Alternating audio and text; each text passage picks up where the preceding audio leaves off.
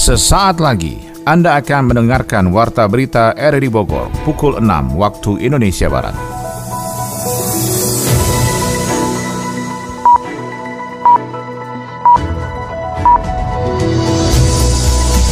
Selamat pagi dan salam jumpa. Kembali kami hadir dalam Warta Berita edisi hari ini, Jumat 20 Oktober 2023. Siaran kami bisa Anda dengarkan melalui audio streaming RRI Digital pada perangkat Android Anda dan bisa Anda dengarkan juga di audio on demand di Spotify, Anchor, Portal, dan Google Podcast.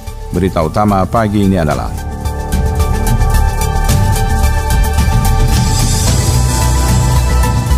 Baca Pres dan Bacawa Pres mulai mendaftarkan diri ke KPU Pusat di Jakarta. Dan mudah-mudahan KPU akan menjadi wasit yang insya Allah pasti paling netral, pasti paling bisa memberikan layanan terbaik. Sebelum ini semua dimulai, izinkan kami menyampaikan rasa hormat, rasa respect, dan terima kasih kepada semua petugas-petugas itu.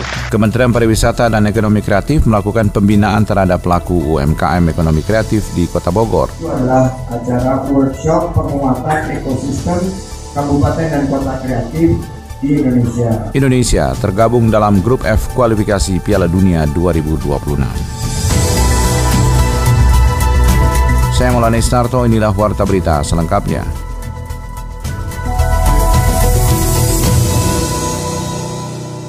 Dua pasangan bakal calon presiden dan bakal calon wakil presiden untuk Pilpres 2024 mendaftar ke KPU. Mereka adalah pasangan Anies Baswedan dan Muhammad Iskandar atau Caimin yang diusung Koalisi Perubahan untuk Persatuan, serta pasangan Capres-Cawapres Ganjar Pranowo dan Mahfud MD yang diusung Poros PDI Perjuangan. Sementara itu, satu kontestan lainnya yaitu Capres Prabowo Subianto masih mencari figur bakal calon wakil presiden yang akan mendampinginya bertarung dalam Pilpres 2024 nanti. Info selengkapnya dilaporkan Adi Fajar Nugraha. Dua pasangan bakal calon presiden dan wakil presiden Anies Baswedan, Muhaimin Iskandar dan Ganjar Pranowo Mahfud MD resmi mendaftarkan sebagai capres-cawapres ke KPU RI pada Kamis 19 Oktober 2023. Kedua pasangan baca pres dan bacawa pres itu mendaftarkan diri di waktu yang berbeda dengan diantar oleh para ketua umum partai pengusung serta para pendukung. Baca pres dan bacawa pres dari Koalisi Perubahan Anies Baswedan Muhaimin Iskandar mendaftarkan diri terlebih dahulu pada pukul 9 lebih 40 menit. Pada kesempatan itu baca pres Anies Baswedan memberikan sambutan usai menyerahkan berkas ke KPU RI yang menyampaikan apresiasi dan berterima kasih kepada anggota dan seluruh staf serta pegawai KPU RI yang bertugas dalam acara pendaftaran calon peserta Pilpres 2024 dan izinkan kami juga menyampaikan terima kasih,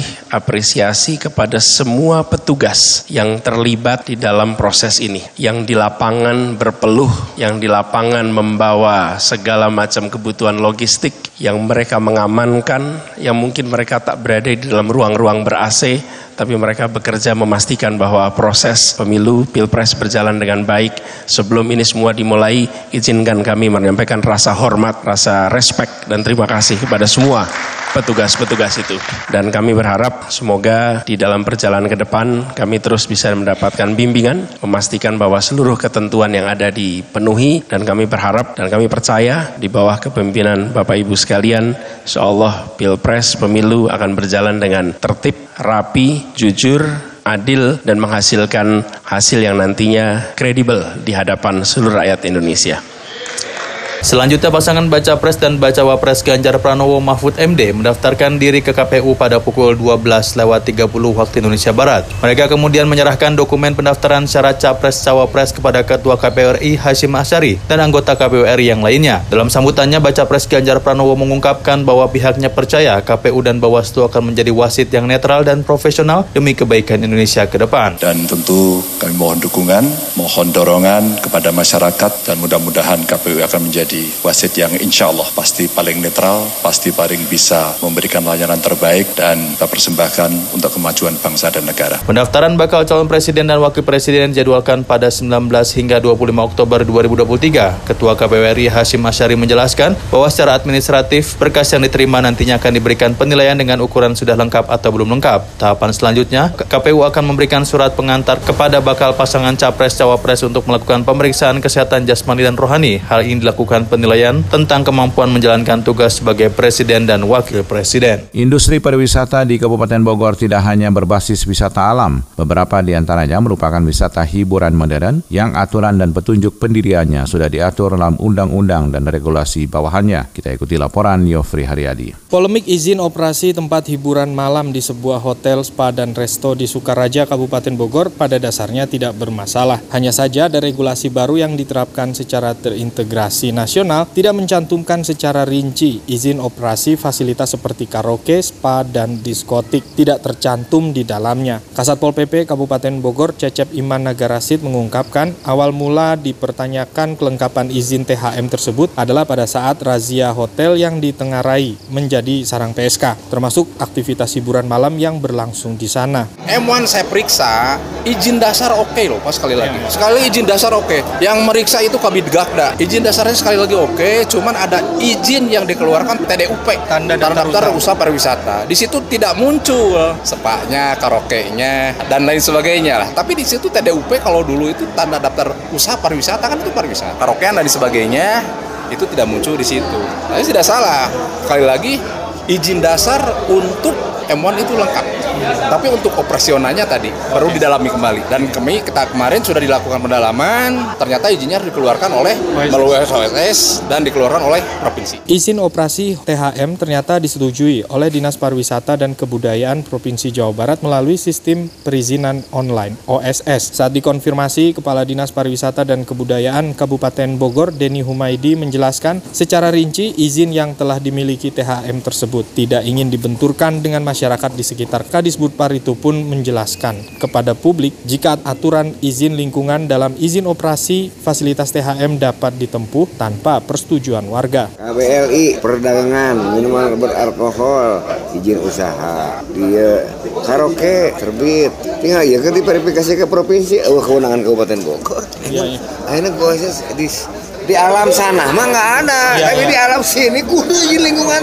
Alam tadi buah HP kan reject industri pariwisata di Kabupaten Bogor tidak hanya berbasis wisata alam saja. Beberapa di antaranya juga wisata hiburan modern yang aturan dan petunjuk pendiriannya sudah diatur dalam undang-undang dan regulasi di bawahnya. Saat ini warga di desa Cimandala Kecamatan Sukaraja menuntut izin lingkungan atas fasilitas tempat hiburan malam di hotel tersebut. Menghadapi inflasi pangan diharapkan masyarakat memulai dengan membiasakan diri dengan memanfaatkan memanfaatkan pangan non beras. Berikut laporan Yofri Haryadi. Kenaikan harga pangan di Kabupaten Bogor masih terkendali. Akan tetapi antisipasi menghadapi inflasi pangan harus dimulai dengan membiasakan pemanfaatan pangan non beras yang dinamakan diversifikasi pangan. Deputi Penganekaragaman Konsumsi dan Keamanan Pangan Badan Pangan Nasional Andriko Noto Susanto saat menghadiri peringatan Hari Pangan Sedunia tingkat Kabupaten Bogor di Cibinong mengatakan pemerintah pusat memproteksi ancaman inflasi pangan tersebut dengan menyediakan lebih dari 20 21 juta ton beras yang akan diberikan kepada penerima manfaat yakni kelompok rentan, terdampak, dan miskin. Bantuan stabilitas pasokan dan harga pangan SPHP ini pun sudah terdistribusikan melalui retail dan diperluas di berbagai wilayah di Indonesia termasuk Kabupaten Bogor. Eh, sekarang pemerintah, ya pemerintah pusat, Pak Presiden eh, sedang gencar-gencarnya melakukan realisasi bantuan pangan berupa 10 kg beras kepada kelompok penerima manfaat seluruh Indonesia jumlahnya 21 juta 353 ribu selama tiga bulan ke depan. Jadi tiga bulan sebelumnya sudah kita lanjutkan tiga bulan ke depan September, Oktober, November itu 10 kg beras kepada masyarakat keluarga penerima manfaat. Tapi juga ada bantuan pangan berupa satu ekor ayam dan 10 butir telur kepada keluarga resiko stunting untuk bulan September, Oktober, November. Jadi dua bantuan ini kita harapkan dapat dikawal dengan baik, kemudian dapat diterima dengan baik, agar apa? Agar masyarakat di saat kondisi harga pangan mulai agak naik, bisa mendapatkan eh, bantuan dari pemerintah. Pemanfaatan sumber karbohidrat non beras juga menjadi salah satu antisipasi jika terjadi lonjakan harga pangan yang ekstrim. Berdasarkan data statistik, inflasi yang terjadi di Indonesia salah satu komponen tertingginya adalah pada kenaikan harga pangan. Bupati Bogor Iwan Setiawan menambahkan cadangan beras lokal yang dimiliki masih tersedia untuk menghadapi kenaikan harga pangan hingga akhir tahun ini. Cadangan sekarang ada 400 ribu ton. Ada yang sudah terpakai ya, kurang lebih sekarang tinggal 300 ribu ton. Ini untuk jaga-jaga nanti situasi saat ada situasi yang paceklik kayak gini, ya kita akan digabung dengan pusat. Kan kita kerjasama dengan Bulog juga. Jadi sampai hari ini uh, beras kita ada di sini. Uh, suatu waktu kalau memang membutuhkan, tinggal pakai surat dari Dinas Ketahanan Pangan, bisa dikeluarkan peruntukannya untuk bencana. Konsumsi pangan beragam, bergizi, seimbang, dan aman B2SA menjadi jalan alternatif bagi pola konsumsi masyarakat yang semula adalah untuk kenyang menjadi bernutrisi dan sehat. Penerapan diversifikasi pangan, tutur Bupati Wan Setiawan juga mengurangi ketergantungan masyarakat terhadap beras sehingga masyarakat memiliki banyak pilihan untuk memenuhi kebutuhan pangan sehatnya. Wah, asik makan-makan nih kita. Iya dong. Tapi kok menunya bakaran semua ya? Ayam bakar, daging bakar, ada sate, sosis bakar. Ih, kamu mah ini kan menu favorit aku. Gak suka ya? Suka sih, tapi aku tuh lagi ngurangin makanan dibakar-bakar gitu. Emangnya kenapa tuh? Yang pernah aku baca ya, makanan yang pengolahannya dibakar bisa memicu kanker loh. Seriusan itu? Iya, terus juga menurut data dari WHO, kanker ini jadi penyebab kematian nomor 2 di dunia loh. Waduh, serem juga ya. Makanya, aku tuh mulai mengurangi makanan kayak gitu dan menerapkan pola hidup sehat. Oh, gitu jadinya. Oke deh, aku juga mau ikutan kamu menerapkan pola hidup sehat. Terus-terus, makanan sebanyak ini mau dikemanain? Dikasih ke kucing aja. Ih, jangan. Daripada mubazir, kita jual aja. Ih, dasar. Kementerian Pariwisata dan Ekonomi Kreatif melakukan pembinaan terhadap pelaku UMKM ekonomi kreatif di Kota Bogor. Dalam kegiatan itu juga ditampilkan berbagai produk UMKM Kota Bogor. Sony Agung melaporkan. Kementerian Pariwisata dan Ekonomi bukan pemain terhadap UMKM kreatif di Kota Bogor. Dalam agenda tersebut menampilkan berbagai produk UMKM Kota Bogor yang bisa menembus pasar regional bahkan internasional. Menteri Pariwisata Ekonomi Kreatif Sandiaga Uno menjelaskan saat ini pelaku UMKM sudah banyak berimprovisasi dan meningkatkan inovasi kreasi produknya. Untuk itu kementerian mendorong agar pelaku UMKM bisa bersinergi secara menyeluruh bersama berbagai elemen pemerintah, pengusaha, bisnis besar dan juga jasa keuangan agar bisa mengembangkan produk menjadi lebih besar. Saat ini Kota Bogor mempunyai berbagai potensi pengembangan ekonomi kreatif karena ditunjang oleh banyaknya wisata alam yang tersebar di berbagai wilayah sehingga daya dukung infrastruktur kewilayahan lebih memungkinkan untuk membuat pelaku ekonomi maju berkembang. Itu adalah acara workshop penguatan ekosistem kabupaten dan kota kreatif di Indonesia. Nah, ada kurang lebih total 514 kabupaten kota, ada 100 lebih uh, kota, dan mereka ini kita dorong masuk ke dalam ekosistem ekonomi kreatif, terutama para pelaku ekrafnya. Nah, dari ini semua baru 78 kota yang mengikuti proses uji petik, yaitu proses yang kami inisiasi melibatkan pentahelix 360 derajat untuk menetapkan subsektor unggulan. Nah kebetulan Kota Bogor uh, rencananya tadi uh, Pak Wali, uh, Bu Kadi sudah memberikan komitmen tahun depan, tapi dicanangkan tahun ini persiapannya untuk uji petik. Kenapa? Karena Kota Bogor ini super kreatif, harus menjadi inspirasi menyusul Bandung, Jakarta, Sementara itu, Wali Kota Bogor Bima Arya memandang upaya untuk pembinaan ekonomi kreatif harus terus berlangsung secara berkelanjutan agar penggerak UMKM juga dapat meningkatkan produknya. Pemerintah Kota Bogor melakukan pembinaan dengan adanya berbagai pelatihan peningkatan mutu kualitas usaha produk ekonomi kreatif khususnya dari sisi UMKM dan juga media promosi yang bisa dimanfaatkan secara digital atau media luar ruang sehingga mereka dapat mengenalkan produknya secara luas. UMKM itu kan talent scouting kemudian dibantu untuk coaching, promoting dan financing. Nah ini kita lihat digarap secara konsisten oleh Mas Menteri dari hulu ke hilir dengan berbagai macam program. Gitu. Jadi turun langsung melihat, memotivasi, dipilih, diangkat supaya naik kelas. Kita senang karena nyambung apa yang dilakukan di Bogor membuat semua naik kelas. Karena mama ini walaupun semangat, ya sering kali kalau nggak dibimbingnya konsisten nanti nggak fokus lagi. Nah, supaya mama ini tetap fokus, supaya semua pelaku tetap fokus, dan ini program-program Menteri lah. Pemerintah Kota Bogor juga melakukan kolaborasi dan kerjasama dengan berbagai sektor agar produk UMKM menjadi lebih tersebar dan meningkatkan penghasilan untuk kesejahteraan masyarakat. Pemerintah Kota Bogor siap mengajukan gugatan hak guna bangunan HGB Pasar Teknik Umum Kemang. Sony Agung melaporkan. Penyelesaian permasalahan Pasar Teknik Umum Tekum Kemang saat ini sedang berproses. Hal itu setelah pihak pemerintah Kota Bogor mendapatkan hak untuk pengelolaan pasar dari keputusan kasasi Kasasi Mahkamah Agung. Kepala Bagian Hukum Pemkot Bogor Arma Wilanta menjelaskan kolaborasi komunikasi dan koordinasi dengan Jaksa Pengacara Negara di Kejaksaan Negeri Bogor berlangsung sehingga semua berjalan dengan sesuai aturan. Permasalahan aset di Pasar Teknik Umum Kemang, Tanah Sareal, Kota Bogor menjadi prioritas untuk terselesaikan dengan adanya gugatan hak guna bangunan dari pihak yang menguasai tersebut ke Pengadilan Negeri Bogor karena ada klausul yang menjadi celah hukum dan akan menjadi bahan untuk nantinya menggugat. Kota nanti akan merumuskan bersama dengan uh, jasa pengacara negara terkait dengan pemulihan aset-aset dari uh, milik awalnya pemerintah agar ke depan tidak menjadi polemik itu Setelah uh, peninjauan yang diinginkan ada perubahan, ada perbedaan pada saat dikelola oleh uh, PT Galpido, kemudian setelah dikelola semua pemerintah itu harus ada perbedaan, terutama tentang infrastruktur ya di dalamnya itu semrawutnya uh, jalan. Ada proses gugatan yang kemarin itu menjadi sengketa hukum yang sudah inkrah berkekuatan hukum tetap. Saya ya sudah tidak perlu diperdebatkan lagi itu sudah sudah clear and clean.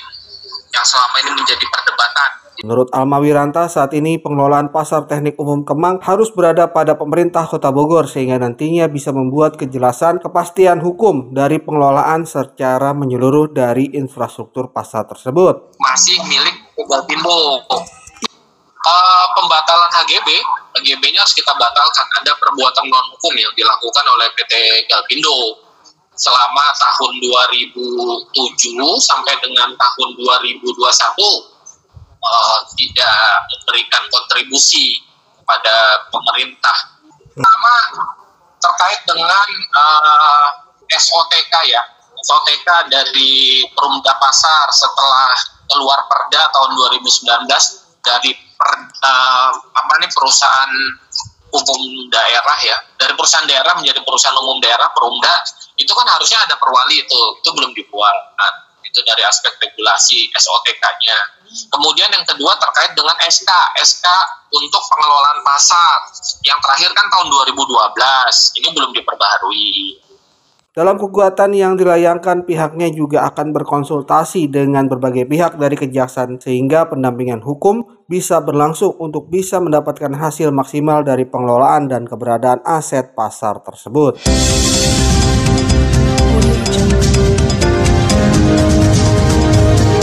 Anda tengah mendengarkan Warta Berita RRI Bogor.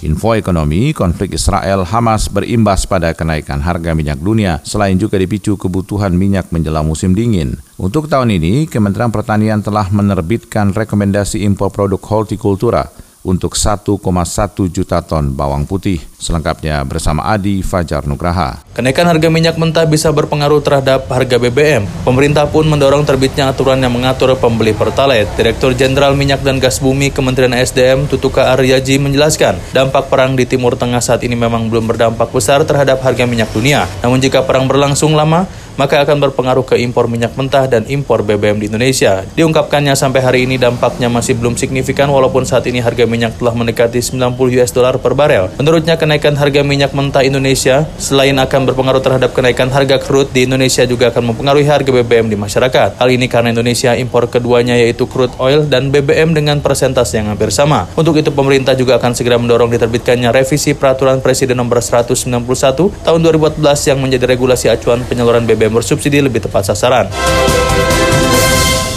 Kementerian Pertanian bakal membatasi penerbitan rekomendasi impor produk hortikultura atau RIPH bawang putih mulai tahun depan. Pelaksana tugas Menteri Pertanian Arief Prasetyo Adi mengatakan pihaknya hanya akan menerbitkan RIPH tersebut paling banyak untuk 650 ribu ton. Arief mengatakan ketentuan jumlah tersebut mengacu pada kebutuhan nasional yang hanya sebanyak 600 ribu hingga 620 ribu ton. Selain itu pembatasan ini juga dilakukan guna meningkatkan produksi bawang putih dalam negeri. Selain itu ia juga mengatakan bakal transparan terkait siapa saja yang mendapatkan RIPH. Ia berjanji bakal menjabarkan siapa siapa saja importir yang diberikan rekomendasi oleh Kementan. Menurut Arif, hal ini perlu dilakukan agar tidak ada kecurigaan bahwa Kementan hanya memberikan rekomendasi kepada pihak tertentu saja. Lebih lanjut, ia mengatakan untuk tahun ini pihaknya memang telah menerbitkan RIPH untuk 1,1 juta ton bawang putih. Namun ia yakin dari Kementerian Perdagangan akan kembali membatasi melalui surat persetujuan impor.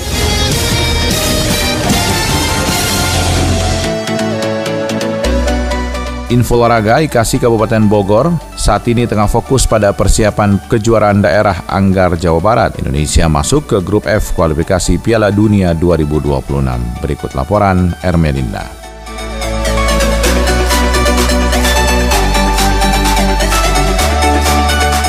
Pengurus Ikatan Anggar seluruh Indonesia IKASI Kabupaten Bogor tengah fokus mempersiapkan atletnya untuk kejuaraan daerah atau kejurda yang akan berlangsung di Bandung, Jawa Barat dalam waktu dekat ini. Pelatih Anggar Kabupaten Bogor Dasta mengatakan kejurda prakadet ini merupakan bagian dari pembinaan mental para atlet untuk terjun langsung di setiap pertandingan. Selain itu juga akan menjadi barometer kemampuan atlet setiap daerah. Beberapa kelompok umur untuk prakadet serta junior senior juga bakal diterjunkan IKASI pada kejurda tersebut. Berbicara mengenai target, Dasta mengaku optimis para atlet binanya mampu mencapai titik prestasi maksimal. Kita untuk usia 10 sampai 14 tahun itu eh, kejuaraan kejurda di Bandung itu bulan Oktober ini usia 14 bulan 14 prakadet. Tapi nanti kita menunggu surat juga yang kedua itu kadet, junior dan senior kemungkinan junior dan senior itu kita akan menurunkan atlet-atlet kita yang akan dipersiapkan untuk Porprov di 2026. Ke juga yang prakadet kita punya binaan itu kita ada 12 orang, untuk yang kadet junior senior itu sekitar 23. Dasta menjelaskan jika salah seorang atletnya Agna akan fokus di nomor Degen, sementara Tifra dan Nicola Owen fokus pada nomor Sabre. Meski demikian ditambahkan Dastam sekarang ini IKASI Kabupaten Bogor tengah fokus pada kejuaraan daerah Anggar, Jawa Barat. Sementara itu Ketua KONI Kabupaten Bogor Dedi Batiar menjelaskan event ini sebagai tolak ukur kinerja cabang olahraga yang ikut dalam event kali ini. Dedi Batiar juga mengatakan jika ke depannya agar memudahkan Pengcap dalam mencari bibit baru dan juga atlet berprestasi. Kita event ini sangat penting buat kita dalam rangka nah, kalau ukur kinerja daripada cabur yang pertama. Yang kedua, memang ini sudah beberapa cabur sudah ada program tahunan seperti ini, yaitu Nah intinya bahwa tujuannya kita ingin menjaring atlet-atlet kita atau benih-benih atlet ya yang kita akan nanti diseleksi untuk mengikuti Porda 2026. Jadi ini lebih kepada pembibitan dan seleksi untuk ditindaklanjuti dengan pembinaan. Dedi Bahtiar mengatakan tentunya dengan harapan para atlet terpilih nanti bisa menjadi atlet prioritas juara dan mengembalikan Kabupaten Bogor kembali menjadi juara umum di perhelatan olahraga bergengsi setanah Pasundan. Indonesia masuk ke grup F kualifikasi Piala Dunia 2026. Sudah ada tiga tim yang menanti skuad Garuda yakni Irak, Vietnam, dan Filipina. Format putaran kedua kualifikasi Piala Dunia 2026 adalah round robin, sehingga setiap peserta akan bertemu tim yang sama dua kali. Artinya timnas Indonesia bakal melakoni enam pertandingan dalam fase ini. Timnas Indonesia akan mengawali perjalanan dengan menghadapi Irak di tanggal 16 November 2023. Kemudian laga kedua timnas Indonesia masih berlangsung di bulan yang sama, skuad Garuda akan menghadapi Filipina pada 21 November. Berikutnya Indonesia akan bersua Vietnam di laga ketiga pada 21 Maret 2024. Pada bulan yang sama, Indonesia juga akan kembali bertemu Vietnam tepatnya 26 Maret 2024. Dua pertandingan terakhir akan bergulir di Juni 2024. Dari total 36 tim peserta di putaran kedua, sebanyak 18 tim yang terdiri dari juara dan runner-up grup bakal lolos ke putaran ketiga kualifikasi Piala Dunia Dunia 2026. Tidak hanya itu, 18 tim itu juga otomatis akan lolos putaran final Piala Asia 2027. Sedangkan 18 tim yang menghuni peringkat ketiga dan keempat bakal mendapat tiket untuk mengikuti putaran ketiga kualifikasi Piala Asia 2027.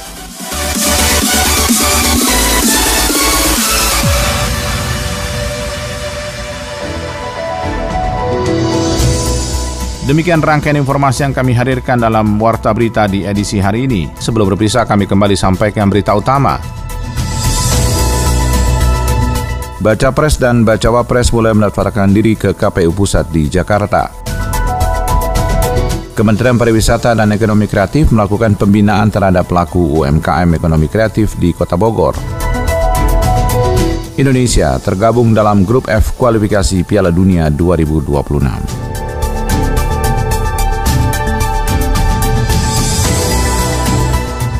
Mewakili kerabat kerja bertugas, saya Maulana Estarto mengucapkan terima kasih. Selamat pagi.